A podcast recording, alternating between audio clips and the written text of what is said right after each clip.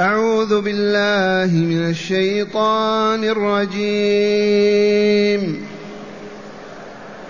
ويقول الذين آمنوا لولا نزلت سورة فإذا أنزلت سورة محكمة وذكر فيها القتال رأيت الذين رأيت الذين في قلوبهم مرض ينظرون إليك نظر المغشي عليه من الموت فأولى لهم طاعة وقول معروف فإذا عزم الأمر فلو صدقوا الله لكان خيرا لهم فهل عسيتم إن توليتم أن تفسدوا في الأرض وتقطعوا أرحامكم؟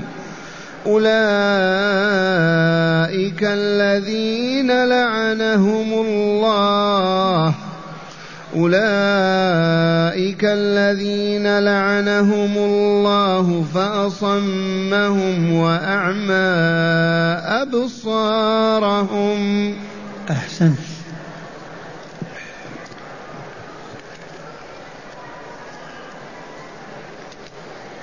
معاشر المستمعين والمستمعات من المؤمنين والمؤمنات قول ربنا جل ذكره. ويقول الذين آمنوا لولا نزلت سورة من هم المؤمنون القائلون هم المؤمنون في المدينة النبوية؟ كأبي بكر وعمر وعثمان وأبي هريرة وعبد الله المسعود وعبد الله بن عباس أهل الدعوة والإيمان. يتمنون على الله أن لو تنزل صورة فيها أمر الله بالقتال. قبل أن يؤمر بالقتال. إذ كان القتال في مكة ممنوعا. لم يسمح الله تعالى ولا رسول صلى الله عليه وسلم لأحد أن يقتل أحدا مهما عذبوه مهما فعلوا به ما يقتل. وقد عذب كم من امرأة واجوا في مكة وما شرع الله لهم القتال في ذلك. حتى جاء النبي صلى الله عليه وسلم إلى المدينة ونزل بها وتكونت له أمة وهي الآن في بدايتها. ويقول الذين آمنوا حق الإيمان آمنوا بالله ربا لا رب غيره ولا إله سواه وآمنوا بمحمد رسول الله وآمنوا بالبعث الآخر. هؤلاء أحياء بصراء. واعون وذلك لكمال إيمانهم لأنهم مؤمنون. ماذا قالوا؟ لولا نزلت صورة لولا بمعنى هلا نزلت صورة وهذا الأسلوب للتمني واللطيفة العلمية التي لا تفوتنا أننا بعد ما نتمنى ندعو الدعاء أفضل من التمني. التمني جائز. تمنيت لو كنت كذا لو أكون كذا لو يحصل لي كذا لا بأس. لكن الأفضل ما تعول على التمني ما ينفعك. اسأل ربك واطلب تعطى. فهمتم هذه اللطيفة؟ هذه الآية دلت على جواز التمني. كذا ولا لا؟ لولا نزلت سورة وذكر في القتال. وما هو الأفضل الاكتفاء بالتمني أو الدعاء؟ الدعاء أفضل.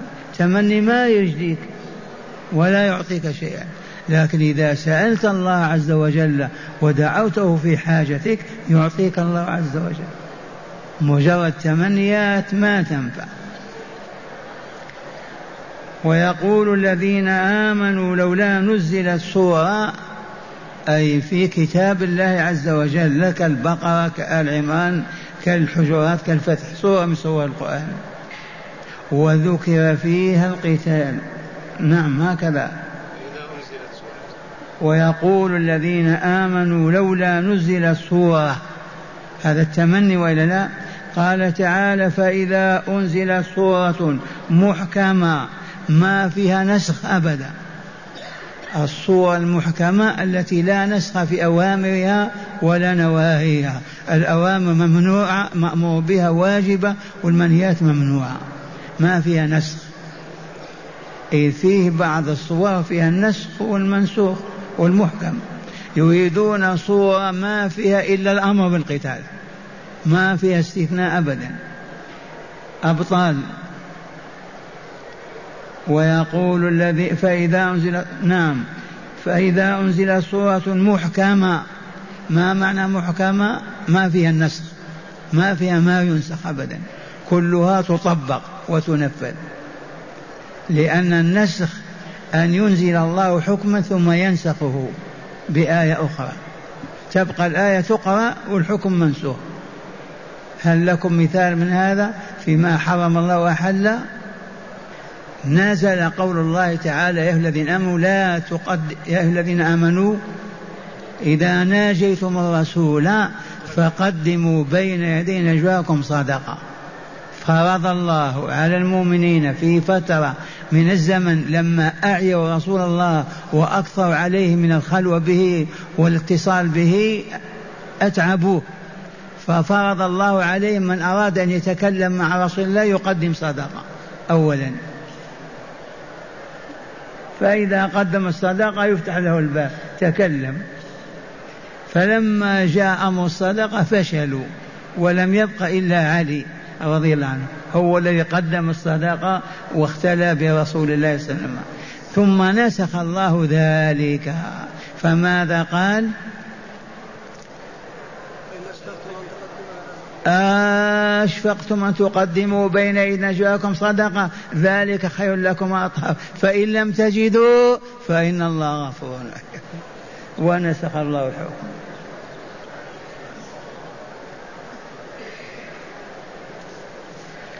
والشاهد عندنا هؤلاء المؤمنون يطالبون بأن تنزل صورة فيها الأمر بالقتال.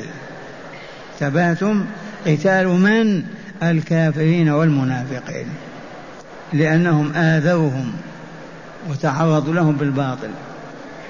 قال تعالى فإذا أنزل السورة محكمة ما فيها نسخ وذكر فيها القتال مأمور به ماذا يكون؟ قال رأيت الذين في قلوبهم مرض ينظرون إليك نظر المغشي عليه من الموت الذين في قلوبهم مرض ما هو مرض الأجسام هذا؟ هذا مرض القلوب العقول. في قلوبهم مرض النفاق والكفر بالله ورسوله. أرأيت الذين في قلوبهم مرض يا رسول الله؟ تنظر إليهم كأي شيء؟ نظر المغشي ينظرون إليك. نظر المغشي عليه من الموت. خائفون متى تقول خرجوا القتال. أو غدا تكونون في المعركة. ينظرون إليك نظر من غشي عليه مرض الموت من شدة الخوف والفزع لأنهم ما هم بمؤمنين. هؤلاء منافقون يدعون الإيمان. ما هم بمؤمنين. هكذا يخبر تعالى عنهم فيقول أرأيت الذين في قلوبهم مرض. هذا ما هو مرض القلوب الذي يعاجل في المستشفيات اليوم؟ والله العظيم هذا مرض الشك والشرك والنفاق والعياذ بالله تعالى. هذا ما يعالج إلا بالقرآن والإيمان. ينظرون إليك يا رسول الله في الشارع في المسجد يشاهدونه خايف متى يقول أن تخرج القتال أو غدا القتال. من شدة الخوف والفزع. لا شجاعة ولا لأنهم لا إيمان أموات. ينظرون إليك نظر المغشي عليه من الموت. ثم قال تعالى فأولى لهم. أي هلاكا لهم. هلاكا لهم. وهذا اللفظ مفسر هكذا عند ابن جرير وغيره. وجه من الوجهين أولى لهم أي هلاك لهم. ثم قال تعالى طاعة وقول معروف. طاعة وقول معروف أي حقهم أو كان لهم أو كان عليهم طاعة وحقهم معروف. هذا وجه الوجه الثاني فأولى لهم أي الأولى بهم أن يقولوا أطعنا الله ورسوله ويتقون الله ويفعلون المعروف. والمعنى واضح. فأولى لهم طاعة أولى بهم وأحق بهم ماذا؟ طاعة الله ورسوله الكلام الطيب والكلام المعروف ما هو الخيانة والغش والكذب والنفاق. هذا أحق بهم وأولى لهم. وإن قلنا أولى هلاكا لهم حينئذ جملة مستأنفة قول معروف طاعة وقول معروف. عليهم هذا. ثم قال تعالى فإذا عزم الأمر. وجب الجهاد. تعين لزم فإذا عزم الأمر ماذا يفعلون؟ فإذا عزم الأمر فلو صدقوا الله وخرجوا القتال وقاتلوا في سبيل الله مؤمن صادقين لكان خيرا لهم. ولكن ما يخرجون؟ ويهربون ويعتذرون وما يخرجون القتال. هذا علاج أمراض القلوب في المدينة والقرآن ينزل وهم المنافقون من اليهود والعرب. حتى اليهود فيهم من نافق وادعى الإيمان. كذلك العرب. قال فإذا عزم الأمر أي بالجهاد بالخروج للقتال ماذا فعل؟ فلو صدقوا الله لكان خيرا لهم. إذا جد الجد وظهر القتال وصدقوا والله لكان خيرا لهم. لكنهم ما يريدون القتال. نقتل من؟ نقتل الكافرين إخوانهم. فلا يريدون قتل إخوانهم وأحبائهم وأصدقائهم. إذا أذن بالقتال لمن؟ نقتل الكافرين. هم ادعوا الإيمان وهم كافرون. فيغضبون لقتل أقربائهم وأصدقائهم. فإذا عزم الأمر فلو صدقوا الله لكان خيرا لهم. عزم الأمر أي بالجهاد وفرضه الله وطالب به رسول الله لكان خيرا لهم إلا قطعا وصدقوا الله في دعواهم أنهم مؤمنون بالله ورسوله والدار الآخرة وقاتلوا لكان خيرا لهم.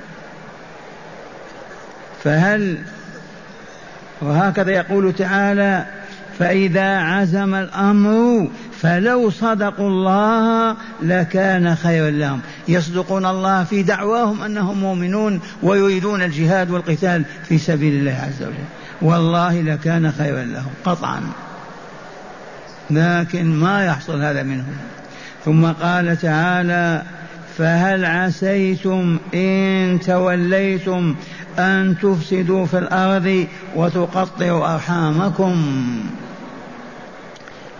هذه الآية لا وجهان سليمان صحيحان. الأول فهل عسيتم إن توليتم أي حكمتم وسدتم وأصبحت الدولة دولتكم ماذا يكون منكم؟ أن تفسدوا في الأرض وتقطعوا أرحامكم هذا هو الواقع. الجهال الضلال المنافقون المشركون إذا حكموا ماذا يحصل؟ الدمار والخراب. لكن إذا حكم المؤمنون أولياء الله الصالحون ماذا يحصل؟ الخير والبركة والهدى والنور. فهل عسيتم إن توليتم أي حكمتم أن تفسدوا في الأرض وتقطعوا أرحامكم وتمزقوا صلاتكم ببعضكم البعض؟ لأنه الجهل والعياذ بالله الكفر والنفاق. الوجه الثاني فهل عسيتم إن توليتم فهل عسيتم إن توليتم؟ أي, رجعتم من الكفر والنفاق وعدتم إلى الإيمان. فهل عسيتم إن توليتم أن تفسدوا في الأرض؟ فهل عسيتم؟ يعني عسى أن تفعلوا. إن توليتم الأول الوجه الأول أي حكمتم. والثاني إن توليتم عن الإيمان والنفاق عن الإيمان والشرك. وأصبحتم مشركين كافرين. أن تفسدوا في الأرض وتقطعوا أرحامكم. فهل عسيتم إن توليتم عن ماذا تولوا؟ عن الإيمان الذي يدعونه ويظهرون كفرهم ونفاقهم علنا ماذا يحصل منهم؟ أن يقطعوا أرحامهم ويفسدوا في الأرض. أو عسى إن حكمتم كذلك. فهم هم منافقون كافرون لا خير فيهم. سواء يحكمون البلاد أو يرجعون إلى كفرهم وضلالهم ويقاتلون المؤمنين. في كلا الحالين هم على باطل. هذا معنى قوله تعالى فهل عسيتم فهل عسيتم إن توليتم أن تفسدوا في الأرض وتقطعوا أرحامكم؟ والسؤال بما يكون الفساد في الأرض؟ بتخريبها بمنع الماء منها يكون بالكفر والشرك والذنوب والآثام. بالظلم والفجور والاعتداء. بهذا يكون الفساد في الأرض. الفساد في الأرض يكون بالكفر بالنفاق بالغش بالخداع بالكذب بالأمراض الفاسدة. هذا هو الفساد في الأرض. فهل عسيتم إن توليتم أن تفسدوا في الأرض؟ بماذا يفسدون؟ بالذنوب والآثام بالمعاصي والشرك والباطل. وتقطعوا أرحامكم. قال تعالى أولئك البعداء الأراذل الأنذال الذين لعنهم الله. ضربهم ضرب على وجوههم لم يرفعوا رؤوسهم.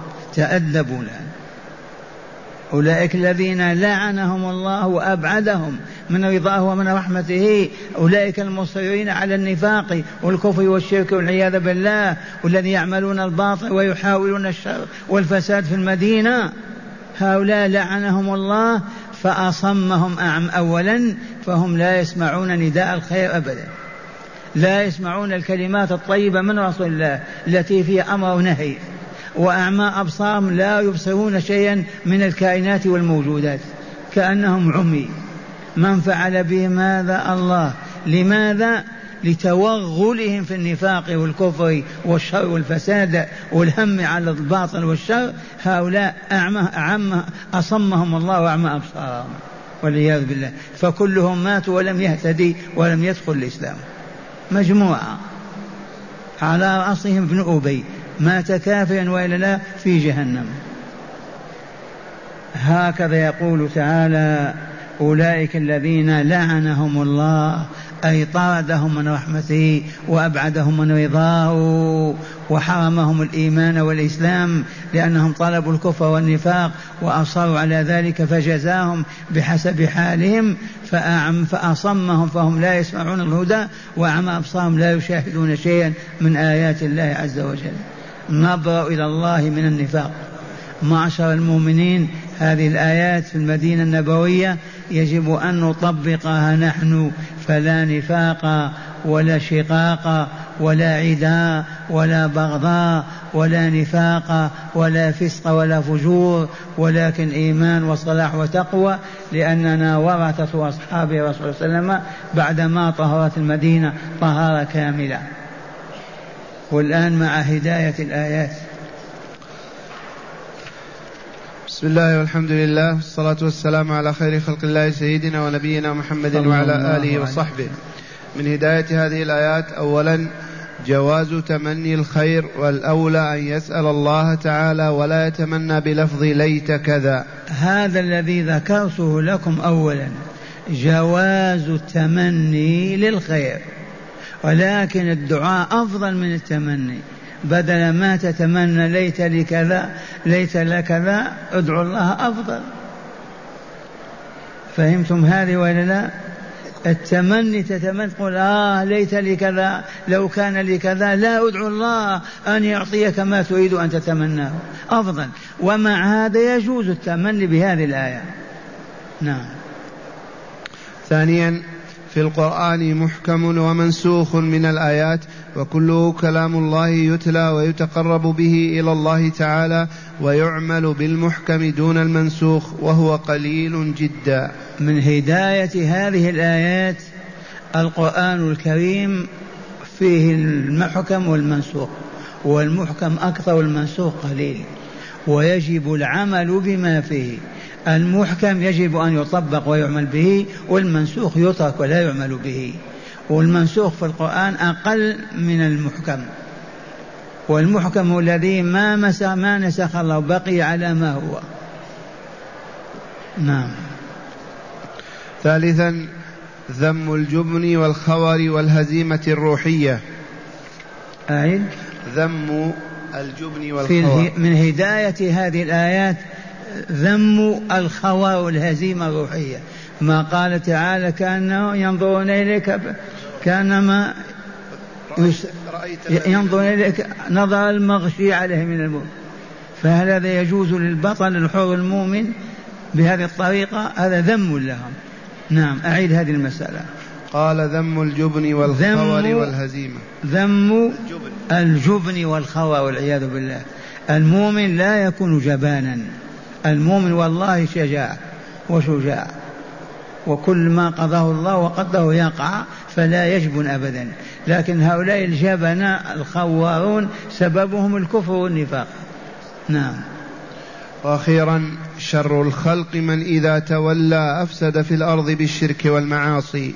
شر أهل الأرض من إذا تولى أفسد الأرض بالشرك والمعاصي.